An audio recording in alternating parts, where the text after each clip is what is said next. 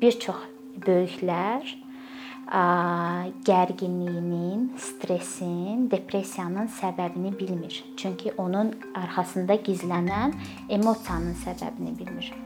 Məsələn, bu ola bilər günah hissi, bu ola bilər yorğunluq, bu ola bilər öz sərhədlərini qoruya bilməmək,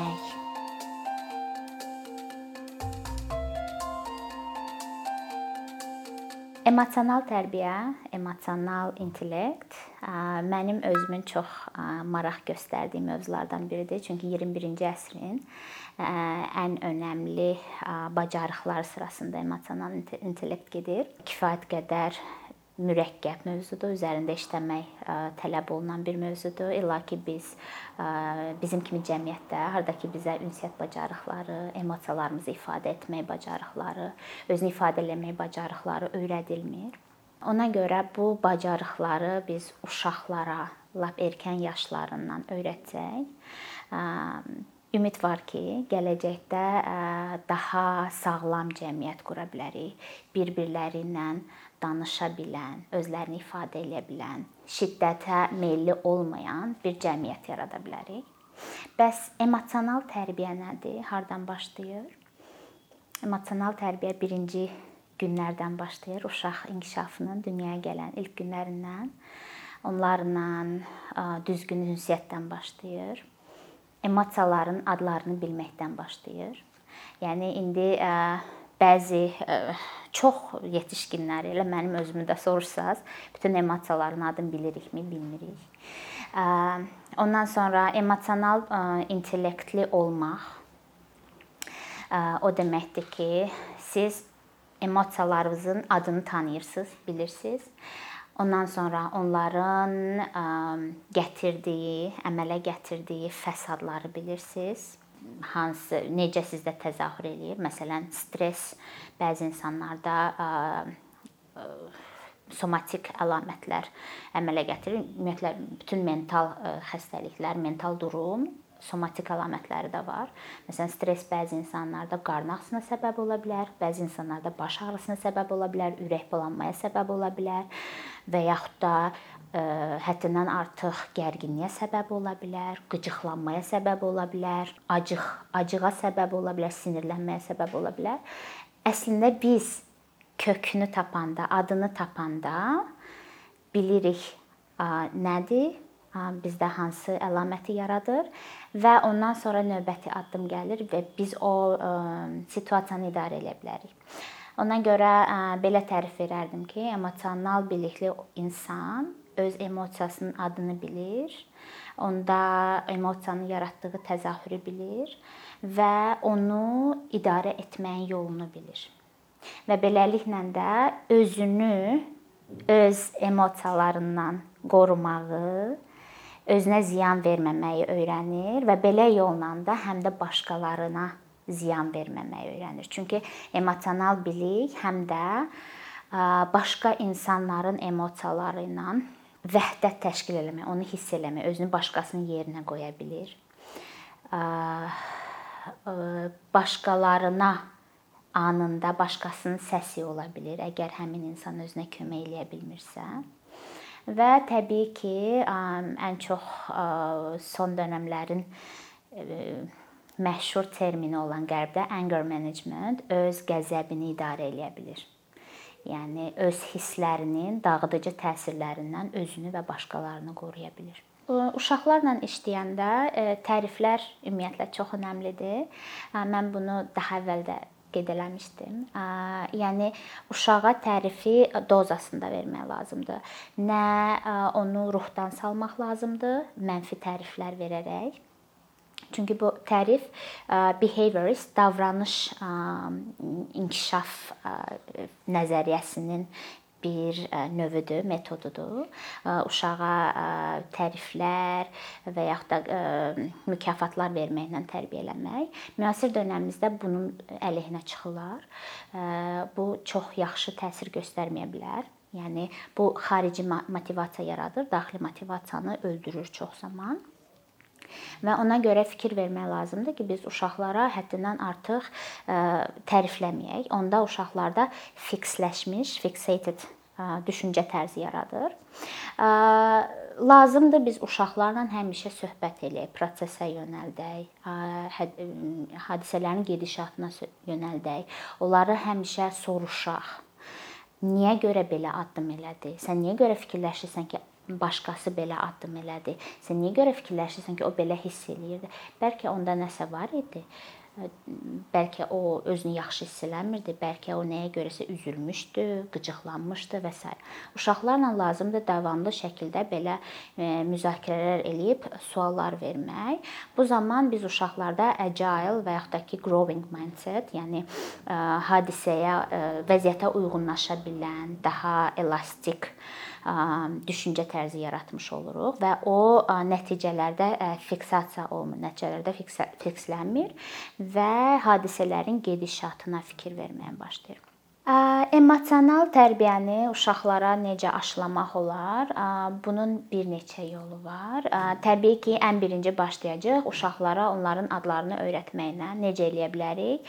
Müxtəlif illüstrasiyalardan istifadə eləyə bilərik. Yəni mən şəxsən hava ünsürlərindən istifadə edirəm. Məsələn, e, ispan müəllimlərindən gələn emotional monsters var və ya da rənglər ola bilər. Rəng diaqramlarından istifadə eləmək olar. Məsələn, yaşıl rəng xoşbəxtliyi göstərir sarı rəng həyəcanı göstərir yaxşı anlamda, göy rəng daha çox qəmginliyi göstərir. Düzdür, bunu autizm rəngi ilə də əlaqələndirirlər. Qırmızı rəng də qəzəbi göstərir. Yəni çox sadə baza rənglərdən və yaxud da ki illüstrasiyalardan istifadə etmək olar. Bu illüstrasiyaları müasir dövrdə sosial medialardan ideyaları almaq olar. Pinterest-dən və s. Kifayət qədər məlumat var bu barədə. Və belə-belə biz uşaqların yaşından, səviyyəsindən asılı olaraq başlaya bilərik öyrətməyə. Birinci adları verəcəyik və onlar hər gün göstərəcək və hər gün bunun ətrafında müzakirə edə bilərik. Məsələn, mən bu gün belə hiss eləyirəm, dayandı. Bir müddət adları öyrənənə qədər. Və adları öyrənəndə biz üzərimizdə, sifət sifətimizdə göstərə bilərik ki, məsələn, xoşbəxt olanda biz nə edirik? Çünki bəzən uşaq deyir, "Aha, mən qırmızıya işarə eləyir ki, mən qəzəbliyəm, amma gülür."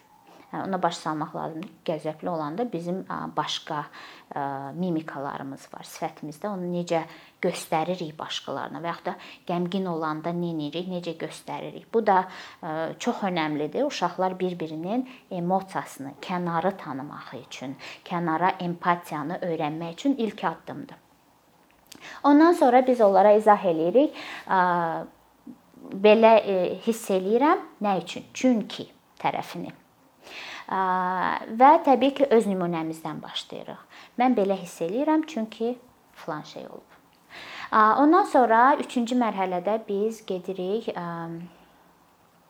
deyirik belə hiss eləyirəm çünki və bu məndə belə təzahür edir. Belə hiss eləyəndə mən qarnımda qıdıqlanır dediyimiz kəpənəklər effekti və yaxud da ki, qəzəbliyəm, mədəm ağrıyır, başım ağrıyır, ürəyim bulanır və s. Bu uşaqlar yavaş-yavaş deyə bilər, göstərə bilər harda. Bu əslində psixologiyada da çox əhəmilidir mental sağlamlıq üçün. Çünki uşaqlar balaca vaxtından emosiyaların somatik əlamətlərini öyrənirlər öz bədənlərində. Düzdürmü? Bayaq müzakirə elədiyimiz kimi. Və 4-cü mərhələdə biz artıq uşaqlara ideyalar veririk. Belə hiss eləyirəm, bu məndə özünü belə bir üzə verir. Artıq uşaq bilir niyə görə belə hiss eləyir və artıq uşaq bilir ki, bu özünü necə bir üzə verir və artıq uşaq metodlarla tanış olur. Bunu necə idarə eləyə bilər? Çünki məsələn o qəmgin ola bilər, ağlaya bilər və başqasını incidə bilər. Amma onun əvəzinə nə edə bilər? Çünki uşaqlar bəzən emosiya çox emosiyalarını aqressiya ilə müşahidə edirlər. Vururlar, itələyirlər, dişləyirlər. Yəni bu uşaqlar üçün normaldır. Amma onu pozitivə yönəltmək üçün biz müəllim olaraq artıq burada bizim rolumuz başlayır və biz onlara seçimlər veririk. Məsələn, həyəcanlısan, təşviş var, ona qədər saymalısan, su içməlisən. Düzdür? Dərindən nəfəs ala bilərsən, şəkil çəkə bilərsən özünü sakitləşdirmək üçün, oppana bilərsən qəzəbini çıxartmaq üçün və s. və ilaxır. Bunun da müxtəlif taktikaları, yolları var və bunları biz müxtəlif ədəbiyyatlardan, sosial mediadan, bayaq dediyim Pinterestdən müəllimlərin cənnətidir, belə desək. Biz ora çox müraciət eləyirik. Çox ideyalar alda əldə eləmək olar. Və bu niyə görə önəmlidir? Və müəllimin rolu burada nədir? Müəllimin əsas rolu odur ki, uşaqdan gələn heç bir ideyanı, heç bir hissi, emosiyanı gül gülüşlə qarşılamasın ciddiyyətlə onu qəbul eləsin uşaqdan gələn heç bir hiss, reaksiya gülməli deyil və biz ona hörmət eləməliyik və bunu biz uşağa göstərməliyik. Təbii ki, burada çox ziddiyyətlər yarana bilər.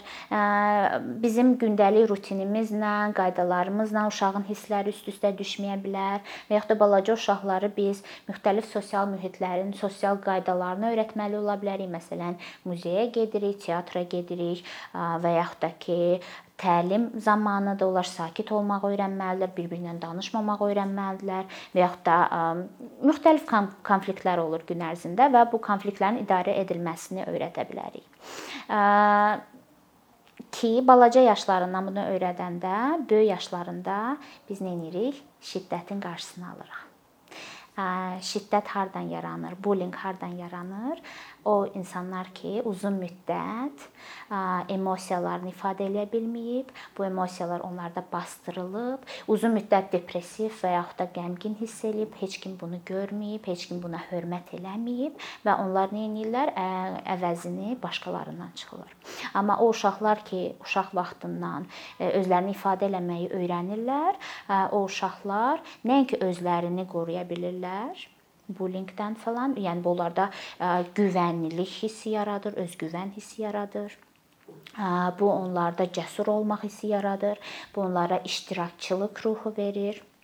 Bu onlarda liderlik xüsusiyyətləri yaradır və həmçinin bu onlarda başqalarının səsi olmaq xüsusiyyəti verir. Çünki belə uşaqlar başqalarının emosiyaları ilə də özlərini uyğunlaşdıra bilirlər onları hiss eləyə bilirlər. Özlərini başqasının yerinə qoya bilirlər. Məhz bullyingin, cəmiyyətdə bullyingin, narsistik düşüncənin, təşviş pozuntularının və bir sıra gözə görünməyən mental sağlamlıqların idarə olunmasında emosional intellekt mütləqdir və emosional tərbiyə mütləqdir. Doğru ünsiyyət qurmaq üçün. Yəni biz bayaqdan müzakirə eləyirdik somatik əlamətlər. Bu da psixologiyada bir çox böyüklər gərginliyinin, stressin, depressiyanın səbəbini bilmir. Çünki onun arxasında gizlənən emosiyanın səbəbini bilmir. Məsələn, bu ola bilər günah hissi, bu ola bilər yorğunluq, bu ola bilər öz sərhədlərini qoruya bilməmək. Bu ola bilər biz son dövrlər mübarizə aparırıq. Məsələn, binge eating deyəndə aşırı çox yemək və yaxud da bulimiya və yaxud anoreksiya xəstəlikləri ilə yeniyetmələrdən biz mübarizə aparırıq. Təşviş xəstəlikləri, selektiv mutizm və s. kimi gözə görünməyən bu mental durumlardır. Hansı ki, gözə görünməyən əlilliklər deyə bilərik bunlara. Və uşaqların təliminə, tədrisinə kifayət qədər təsir edən durumlardır. Ona görə lazımdır uşaqları anında hisslərini başa düşmək. Xüsusilə çox normal, sağlam mühit ailədən gələ bilər uşaq, amma xüsusilə məsələn dərs ilinin başlanğıcında bağçaya başlayan uşaqlarda qəzəb hissi çox olur. Başqa dildə mühitə gedən uşaqlarda stress çox olur və bu stress müşahidə olunur aqressiya ilə. Və bunu araşdırmaq üçün biz uşağa bunu balaca yaşlarından öyrətməklə ona əlinə vəsait veririk özünü tanıması üçün. Və biz özümüzə kömək eləyəndə, eləyə biləndə başqalarına da rahat kömək eləyə bilirik.